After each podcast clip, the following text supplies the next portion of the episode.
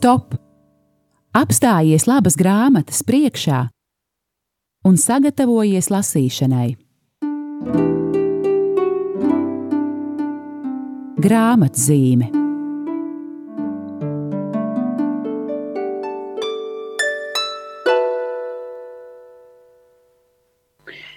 Esiet sveicināti, mīļie klausītāji! Ir e, trešdiena, pulksten viens, un laiks atkal raidījumam grāmatzīme, kas jūs uzrunā Radio Marija. Latvija ēterā ik pa divām nedēļām.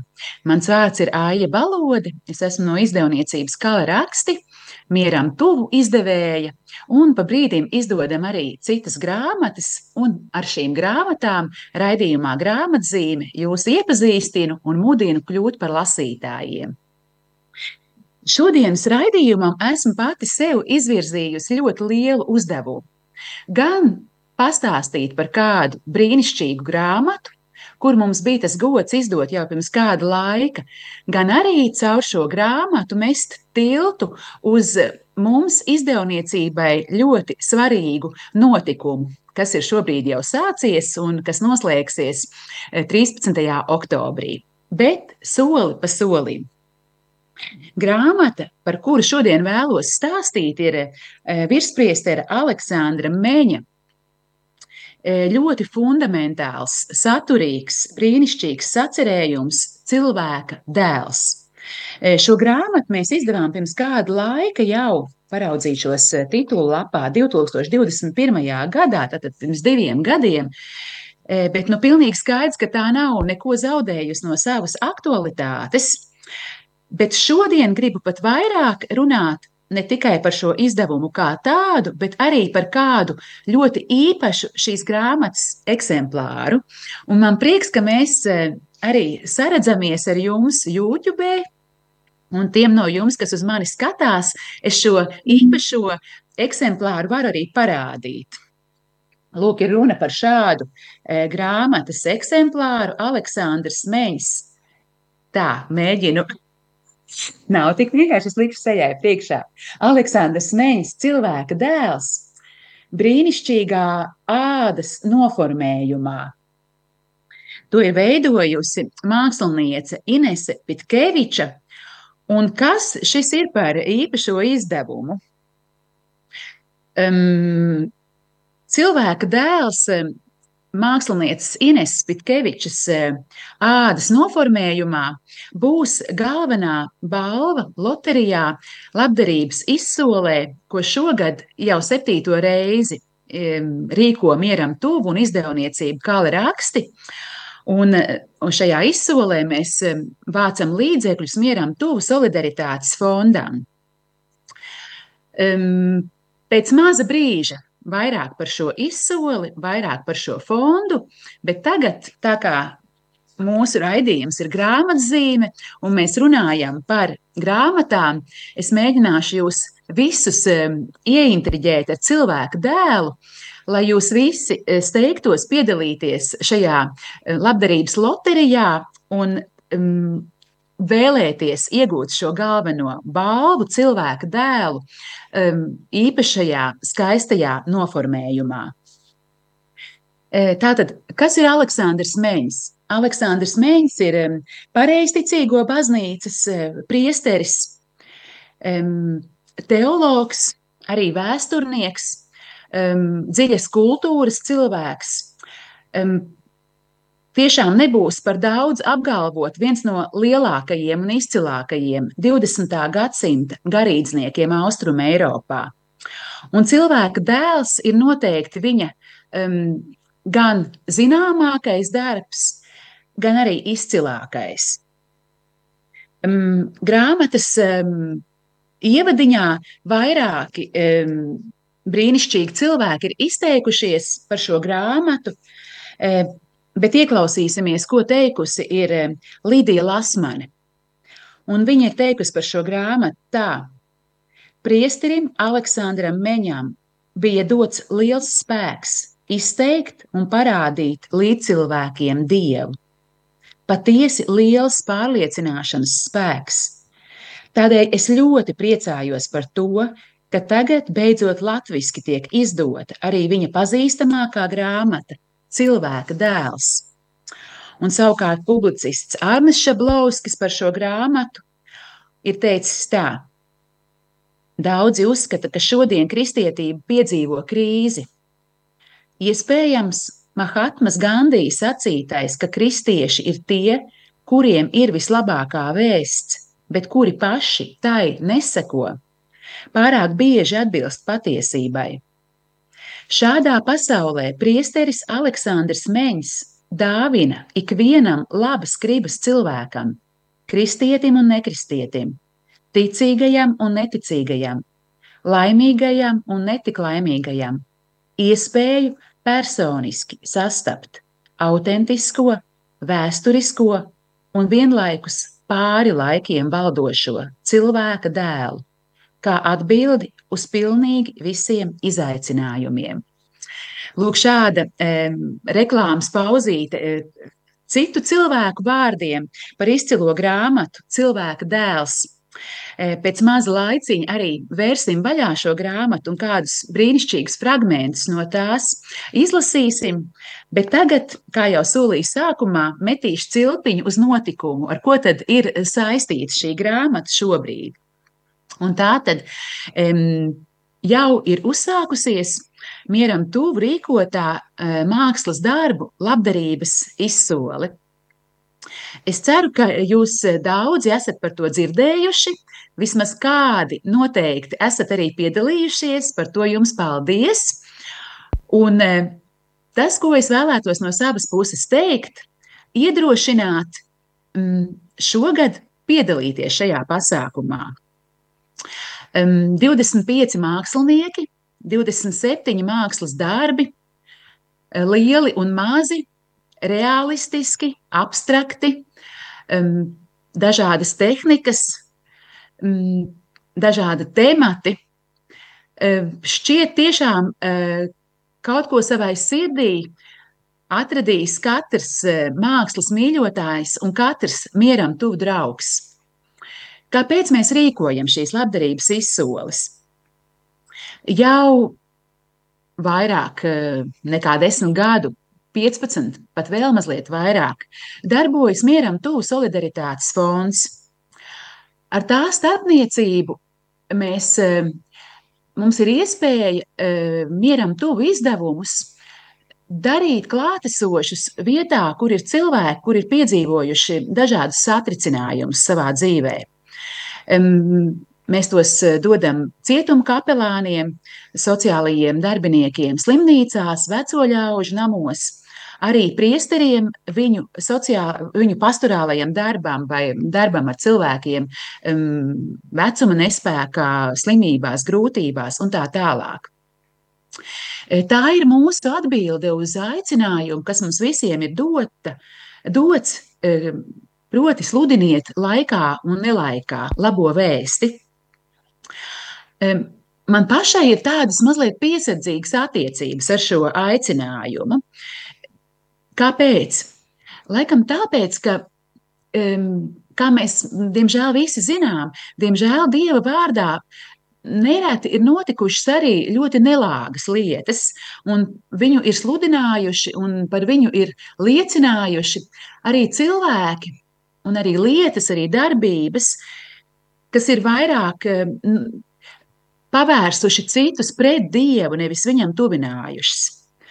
Nu, lūk, un mana liela pārliecība ir, ka pats Dieva vārds savukārt visvai, vislabāk, brīnišķīgi labi var par viņu liecināt.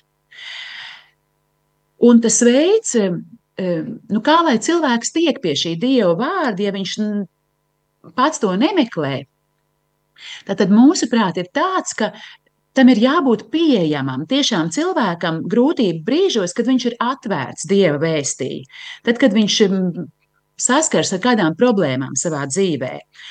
Un, protams, tādi izaicinājumi ir slimība, gan paša cilvēka slimība, gan viņa mīļa cilvēka, bērna, vecāku, māsu, brāļu slimība, vēl trakāk apcietinājums, vecuma nespēks, izmisums.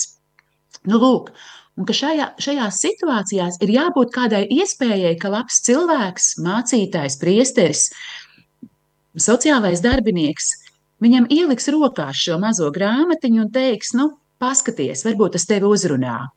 Un es ticu, ka tad Dievs pats ar savu vārdu var šo meklējošo cilvēku uzrunāt. Kā tas notiek, mēs to nevienmēr zinām. Protams, pa brīdim mēs saņemam pateicības vārdus par to, ka mm, mieram tū grāmatiņa slimnīcā vai citur mm, šādi uzdāvināti ir kaut ko mainījusi, ir uzrunājusi, ir iedrošinājusi. Bet eh, man ir liela pārliecība, ka mums tas nemaz vienmēr nav jāzina, kādus augļus tas nes. Svarīgākais, ka Dievs to zina un ka viņam ir šis instruments, kā strādāt. Nu, lūk, bet lai fons varētu darboties, tas ir prozaiski, ir vajadzīgi līdzekļi, un tos mēs lūdzam. Mēs lūdzam cilvēkiem palīdzību. Bet arī šeit mēs tā cenšamies, lai e, tie cilvēki, kas mums palīdz, ka viņi arī pretī saņem labas emocijas, prieku, e, pārsteigumu. Un, ja viņi piedalās šajā labdarības izsolē, tad arī brīnišķīgu mākslas darbu. Um, tad, kad mēs dzirdam mākslas darbu labdarības izsoli, daudzi man uzreiz saka, tas ir dārgi, es to nevaru atļauties, uh, tas nav man pieejami. Uh, ticiet man, mīļie klausītāji, tā tas nav. Tas tik tiešām ir daudz pieejamāk nekā jūs domājat. Un divu iemeslu dēļ. Pirmkārt, tādēļ, ka šie mākslas darbi, kas izsolē piedalās, E, tie tiek izsolīti par ļoti dažādām summām. Un tās ne, mazākās ir e, tik tiešām e, nedaudz pāri 100 eiro. Un otra lieta, neatkarīgi no tā, kādu naudu cilvēks nosola par šo savu mākslas darbu, viņam nav jānorēķinās uzreiz Eh, tā kā fonds par eh, līdzekļiem, ko mēs iegūstam šajā izsolē, strādā pēc tam visu nākamo gadu, norēķināties par mākslas darbu arī var visa nākamā gada laikā. Tā ka tas kļūst vēl jo pieejamāk. Um, kas ir jādara, ja jūs vēlaties atbalstīt mieram tuvu solidaritātes fondu, piedaloties šajā izsolē? Um, jau šodien varat atvērt www mieram tuvu LV mūsu mājaslapu, sadaļa izsole un paraugieties. Pirmā daļa neklātienē ir jau sākusies. Jūs jau varat mūsu mājaslapā ar visiem darbiem iepazīties, varat izvēlēties savu favorītu vai favorītus, pieregistrēties izsolē un izdarīt savu likmi, dot eh, savu cenas solījumu. Eh, izsoles noslēgums būs 13. oktobrī. Kā tas notiks, es vēl stāstīšu pēc maza brīža. Bet nu tagad, eh, kamēr skanēs maza mūzikas pauze, jūs jau varat atvērt mūsu eh, mājaslapu www.mieram.tuvu.lv, izsole, paskatieties, topiet ieintriģēti, mm, topiet sajūsmināti, es ceru, vismaz par kādu darbu, Un tad pēc maza brīža turpināsim runāt gan par izsoli, gan arī par izsoles loterijas galveno balvu, Aleksandra Meņa brīnišķīgo grāmatu Cilvēka dēls.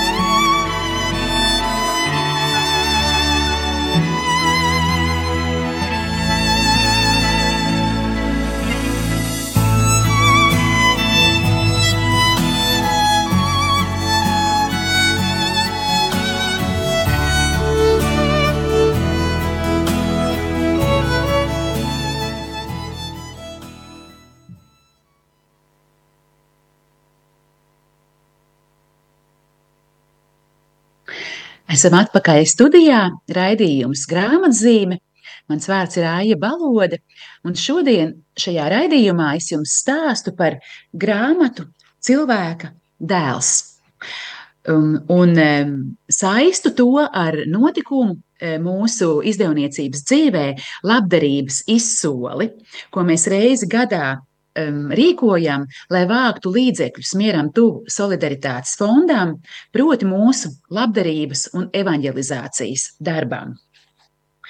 E, bet tagad, kā jau solīts, atvērsim šo grāmatu Cilvēka dēls un e, ieklausīsimies, kā tad Aleksandrs Meņš raksta. Un e, pirms tam mans komentārs. Um, jā, Cilvēka dēls ir eh, stāsts par Kristus dzīvi eh, un stāstījums, kas ir eh, ievietots vēsturiskajā kontekstā. Stāstot par Kristu, autors stāsta par vēsturiskajiem apstākļiem, stāsta par to vietu, kur Kristus ir nācis pasaulē, dzīvojis, ceļojis, uzrunājis cilvēku, cilvēkus. Um, šo viņa dzīvi papildina teoloģiski skaidrojumi, pārdomas, patiešām ļoti bagāts, ļoti uzrunājošs sacerējums. Bet ieklausīsimies Aleksandrijā Meņā. Pakāpeniski runas par skolotāju un dziednieku no Galilejas izplatījās pa visu reģionu. Jēzum pastāvīgi sekoja daudz ļaužu, Tiklīdz viņš aizgāja, lai pabūtu vienatnē, mācekļi atnāca pie viņa un sacīja: Visi tevi meklē! Un Jēzus devās atpakaļ pie tiem, kas viņu gaidīja.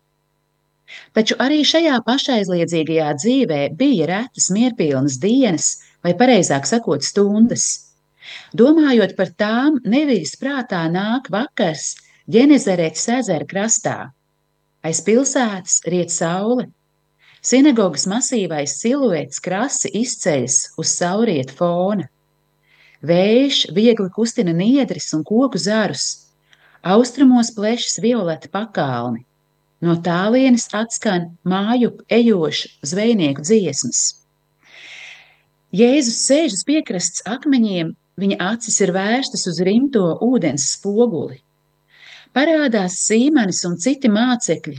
Viņi klusi apstājas, baidoties skolotāju traucēt, bet viņš sēž nekustīgi, iegrimis lūkšanā. Klusas vakara gaismas apspīdēts. Vai mācekļi šajā mirklī skatoties uz Jēzu, saprot, apjauš, ka viņā tiem atklājas visaugstais, kas ir radījis visumu un pār to valda? Īsts dienvidu mīkrēslis un lūk, virs jūras jau iedegas zvaigznes. Visi dodas uz sīmeņa namu, istabu apgaismo māla lampas dejojošā liesma. Skolotājs un mācekļi ieņem vietas pie galda. Sievietes lauž maizi. Viņš runā par valstību, kuras dēļ drosmīgi un izlēmīgi jāatstāj viss, jo Neviens, kas savu roku uzlicis uz ārklu un skatās atpakaļ, neder Dievu valstībai. Cīmanim droši vien ir daudz jautājumu, taču viņš kautrējas, kaut arī ir gatavs sekot savam kungam līdz pat pasaules malai. Jāņa acis mirdz. Gāra acīm viņš skata pasaules tiesu un cilvēka dēlu, kam galvā Dāvida kronis. Jēzus turpina runāt par kafauna pār kafarnaumu nolaižas nakts. Lūk, šeit tāda neliela sadzīviska uh, skice, kāds varētu būt bijis vakars, kuru Jēzus pavada kopā ar saviem mācekļiem. Un droši vien jūs pamanījāt, Aleksandra Meņa tekstā uh, ļoti organiski ievijas frāzes no svētajiem rakstiem, un patiešām tāds ir šis sacerējums, svēto rakstu citāti. Um, pārauga autora tekstā un atpa, atkal atpakaļ. Un tādā veidā uh, tas efekts ir tāds, ka mēs uh, paši gluži vai nonākam šajās situācijās, kur mūsu mācītājs ir kopā ar saviem mācekļiem, ar tiem cilvēkiem, kurus viņš uzrunā, un mēs kļūstam vieni no viņiem. No tiem, kas Jēzum seko, no tiem, kas Jēzu uzklausa. Vēl kāds citāts. Reiz pēc tam, kad bija vienatnē lūdzies, Jēzus apstuļiem jautāja, par ko ļaudis mani uzskata. Vieni par Jānu Kristītāju viņi sacīja, citi par Eliju, bet citi par Jeremiju vai kādu no praviešiem. Bet par ko jūs mani uzskatāt? Agrāk skolotājs nekad apstuļiem nebija prasījis tik tieši ticības apliecinājumu, bet viņa vārdi jau vairs nepārsteidz tos nesagatavotus. Visu vārdā atbildēja Sīmanis: Tu esi Mesija, dzīvā Dieva dēls. Svētīgs tu esi, Sīmani, Jonas dēls, svinīgi teica Jēzus, jo nevis miesa un asinis tev to atklāja, bet mans tēvs, kas ir debesīs un es tev saku, tu esi klints, un uz šīs klints es uzcelšu savu baznīcu, un elles vārti to neuzvarēs. Jēzus jautājums, par ko ļaudis mani uzskata, ir aktuāls arī mūsdienās. Un arī mūsdienās, tāpat kā pirms 2000 gadiem, daudzi viņu uzskata tikai par pravieti vai likumības skolotāju. Tie nevar izskaidrot, Kāpēc miljoniem cilvēku ir atzinuši, ka tieši Jēzum no nāceretes, nevis izsajam un pat mūzum, ir tā pati daba, kas tēvam? Tas ir citāts no katehisma. Kas tad ir Kristus neatkārtojamās pievilcības iemesls vai viņa morālā doktrīna? Cildenu ētiku taču mācīja gan Buda, gan Jeremijs, gan Sokrāts, gan Seneka. Kā gan tādā gadījumā kristietība varēja pārspēt konkurentus? Jautā autors. Un pēc brīža viņš eh, raksta tā. Proti, vairākas liecības par to, kā ir atbildējuši lieli vīri pasaules vēsturē. Kad slavenajam antīkās pasaules pazinējam Teodoram Momzenam jautāja, kāpēc viņš savos darbos nav pieminējis Jēzu Kristu. Atbildes skanēja tā: Es nespēju viņu saprast, tāpēc izvēlos klusēt. Filozofs Spinoza, kaut gan nebija kristietis, atzina, ka dievišķā gudrība, citāts, visvairāk izpaudās caur Jēzu Kristu. Napoleons kas atrastamies ieslodzījumā, daudz apcerēja vēstures līkločus. Mūža beigās teica: Kristus gaida cilvēka mīlestību. Tas nozīmē, ka viņš vēlas to, ko ar vislielākajām pūlēm var saņemt no pasaules, to, ko gudrais vēlti prasa no dažiem draugiem, tēvs no saviem bērniem, sieva no vīra, brālis no brāļa. Īsi sakot, Kristus vēlas cilvēka sirdi. Viņš to vēlas sev un panāk to pilnīgi neierobežoti. Viņam vienīgajam izdevās paaugstināt cilvēka sirdi līdz neredzamajam, līdz laicīgo lietu upurēšanai, un tādējādi saistīt debesis un zemi. Te beidzas Napoleona vārdi. Aleksandrs Meņš turpina. Pagāns, to viņš raksta pēdiņās, pagāns Gēte, Jēzu salīdzināja ar sauli. Ja mani pajautās, viņš teica, vai manā dabā būtu paust viņam dziļu cieņu un godbijību, es atbildēšu, protams. Es noliekšos viņa priekšā kā likumības augstākā principa, dievišķas atklāsmes priekšā. Hinduists Mahatma Gandijs rakstīja, ka viņam Jēzus ir moceklis, uzupurēšanās gara iemiesojums, dievišķs skolotājs. Tā spriež vēsturnieks, filozofs, politiķis, dzēnieks un gudrais, kas domājuši par Kristus personību. Bet, ja viņš nav mītiska persona un nav tikai reformators, tad kas viņš ir? Lūk, tā jautā Aleksandrs Meņš. Turpina mūs vest cauri Jēzus dzīvei un palīdz mums sniegt savu jautājumu uz šo, sniegt savu atbildi uz šo jautājumu. Tad par ko ļaudis mani uzskata, par ko tu mani uzskati? Uz šo jautājumu, ko Kristus uzdod arī ikvienam no mums. Jā, un es ticu, ka šis sacerējums patiešām ir uzrakstīts tik pārliecinoši, ka tā beigās lasītājs var dot savu atbildi, ka cilvēka dēls ir Dieva dēls, ir Mesija. Lūk, tik daudz šobrīd par šo sacerējumu. Kāpēc šodien es runāju par šo grāmatu? Pirmkārt, tāpēc, ka tā ir latviski lasāma, viena no izcilākajām grāmatām, ko mums izdevniecībā Kala raksti, ir bijis tas gods izdot. Ik viens no jums var ieiet mūsu mājaslapā www.mieram.tuvlv sadaļā veikals, pasūtīt šo grāmatu, saņemt pa pastu, vai meklēt to savus draugus grāmatu galdā, iegādāties un, un, un lasīt, un tiešām smelties brīnišķīgas gudrības, brīnišķīgas atziņas no tās. E, bet šodien es šo grāmatu saistu ar labdarības izsoli, kuru mēs mieram tuvu izdevēju rīkojam Jo šī grāmata, Aleksandrs Meņš, cilvēka dēls, brīnišķīgā noformējumā, mākslinieces Ineses Pitkevičas eh, ādas eh, noformējumā, būs eh, loterijas, kas notiks izsoles laikā, galvenā balva.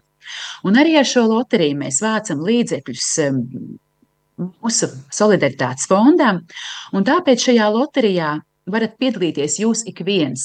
Gan tie, kas e, piedalīsieties izsolē, bet, kā jau teicu raidījuma pirmajā daļā, aicinu visus to darīt, izmēģināt savu laimi, um, mēģināt iesaistīties un nosolīt savu mākslas darbu.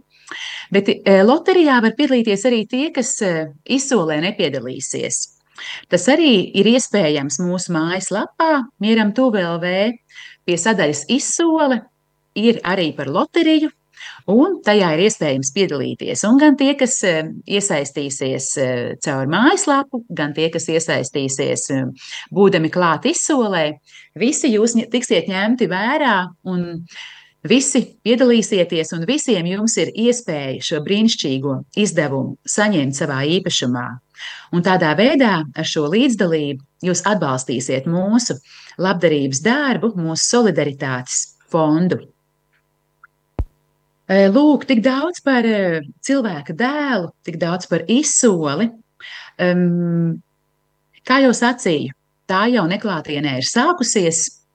Uh, izsoles darbi ir izlikti arī nelielā izstādē, um, ļoti netālu no Radio Marijas birojas, starp citu.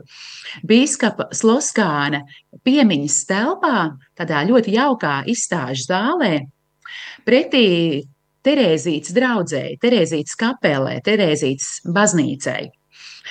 Izstāde nav visu laiku atvērta, bet tagad, sākot no svētdienas, īpašās stundās tā būs ikvienam pieejama. Un tā pirmā iespēja izstādi redzēt un darbus redzēt klātienē ir jau šo svētdienu pēc dievkalpojumu laikā no 13. līdz 15. dienā. Un pēc tam katru trešdienu un katru piekdienu no 17. līdz 19. un arī svētdienās no 13. līdz 15. Nāciet uz izstādi un paskatieties uz darbiem klātienē. To noteikti ir vērts izdarīt, jo patiešām ir visi darbi, bet it sevišķi daži, kuru īpašo seju patiešām var ieraudzīt tikai klātienē.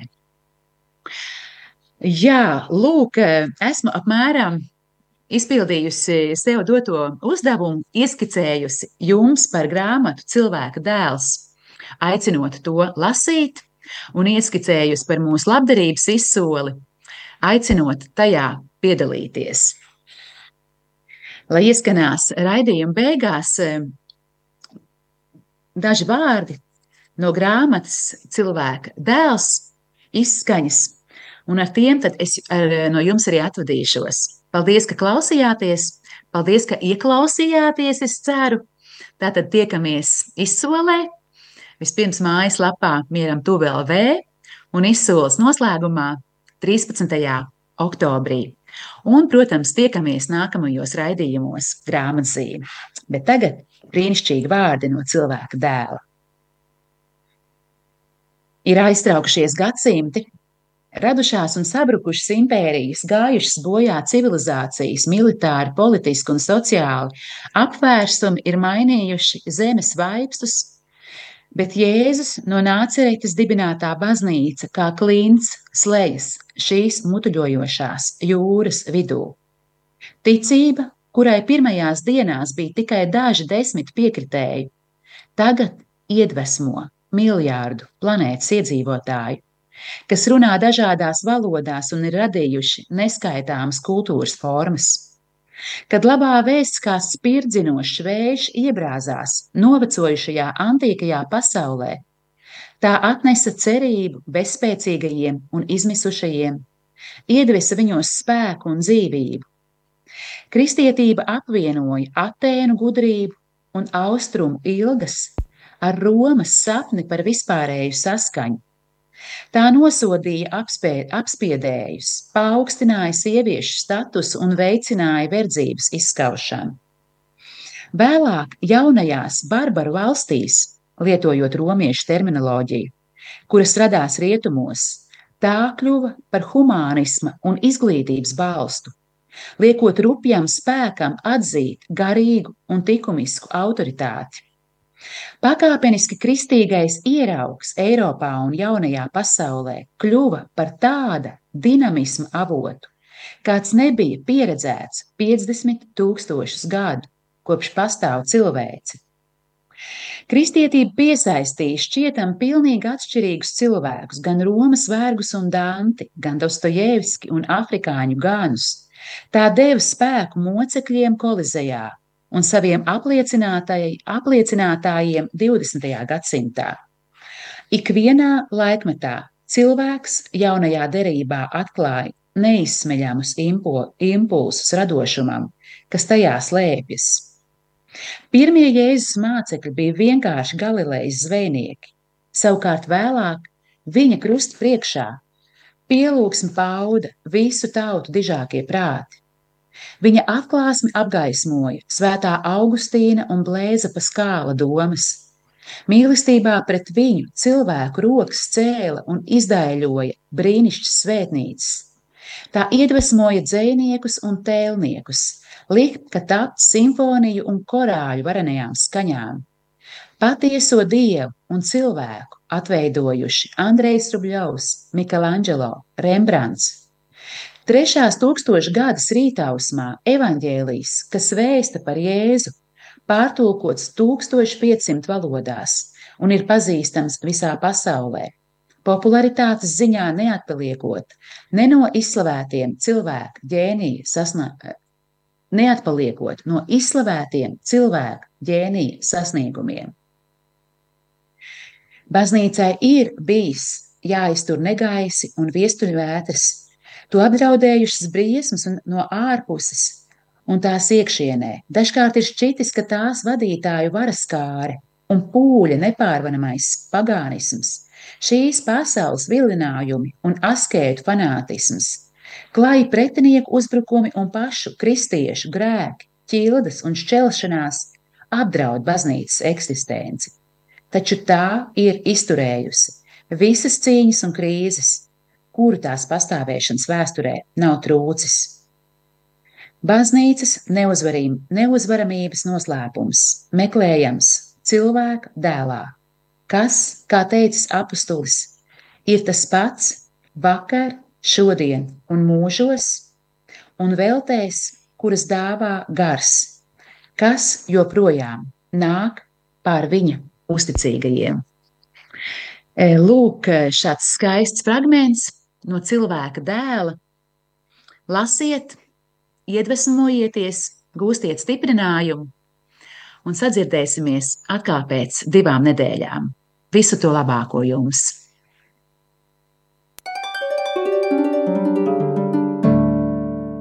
Stop!